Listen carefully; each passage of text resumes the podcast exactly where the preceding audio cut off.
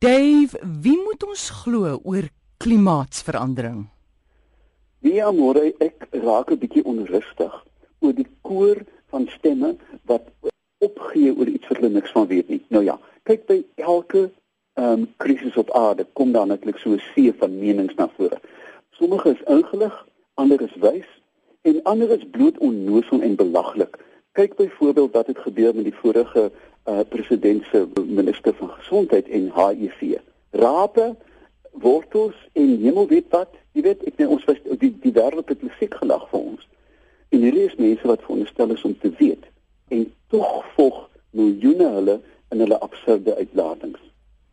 En presies so is dit met klimaatsverandering. Weer is daar eindlose menings.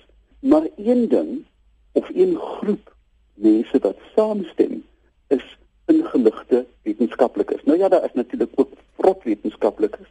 Maar kom ons kyk gou 'n bietjie môre na die wonderlike ding, die wetenskap. Weet jy die Engelse woord science is nie naaste by so so ja. treffend soos wetenskap. Dit wat ons weet. Nou die wetenskap is baie eenvoudig. Dit is gesistematiseerde kennis. Met ander woorde kennis wat in 'n rigiede vorm uitgepak word Maar nog meer belangrik aan môre, wetenskap selfregulerend. Met ander woorde, vrot wetenskap word uitgehaal. As iemand verkeerd is, snuf iemand iemand anders hom uit en dit word vervang met nuwe wetenskap. Dit word heeltyd gereguleer. Maar ons is ook maar net mense, né, en ons maak foute. En as ook troos vir ons aan môre, Brunovski, Jakob Brunovski, een van my grootste grootste uh, stemme in die wetenskap het gesê dat die wetenskap is 'n lofsang. Uh dit is pragtig op 'n hulde blyk aan wat ons kan weet alhoewel ons feilbaar is.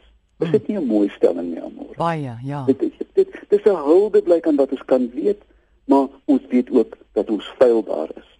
Nou ja, wat sê die ontkenners van aardverwarming? Ja, sê dit as vulkane en een vulkaan het meer uitlaatgasse as 6238 motors.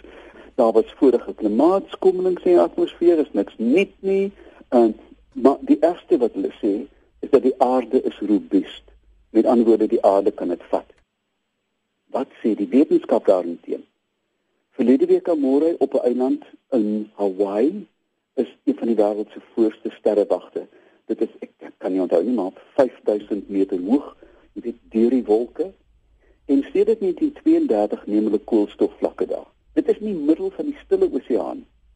En verlede week vir die eerste keer het die vlakke deur 400 dele per miljoen gebreek. Iets wat hulle voorstel het wat eers in 2020 sou gebeur het. Koolstofvlakke uh, sedert 1932 het met 1 kwart toegeneem reg oor die aarde.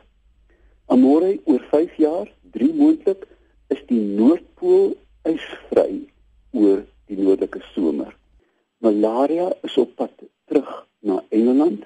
Dit word so warm en siklone en tifone gaan dramaties toeneem. De Moine en Katrina is voorsmake aan môre wat kan gebeur. Wat gaan gebeur?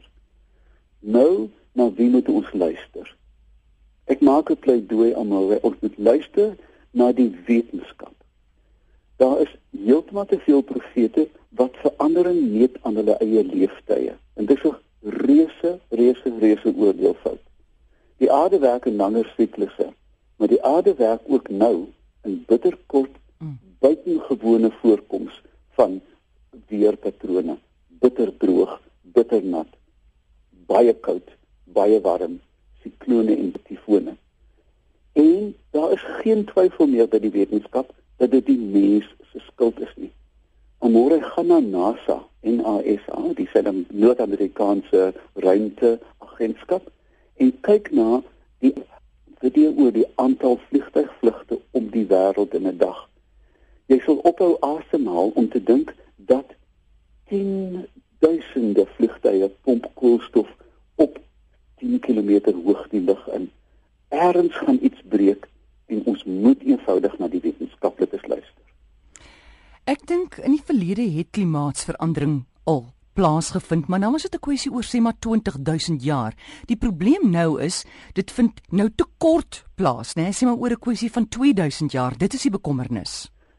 Amore dit vind nou plaas in in in kleiner grepe van 50 jaar. Ons dink aan mm. 20 jaar al. Nou ja, die vorige ystydperk was 20000 jaar gelede.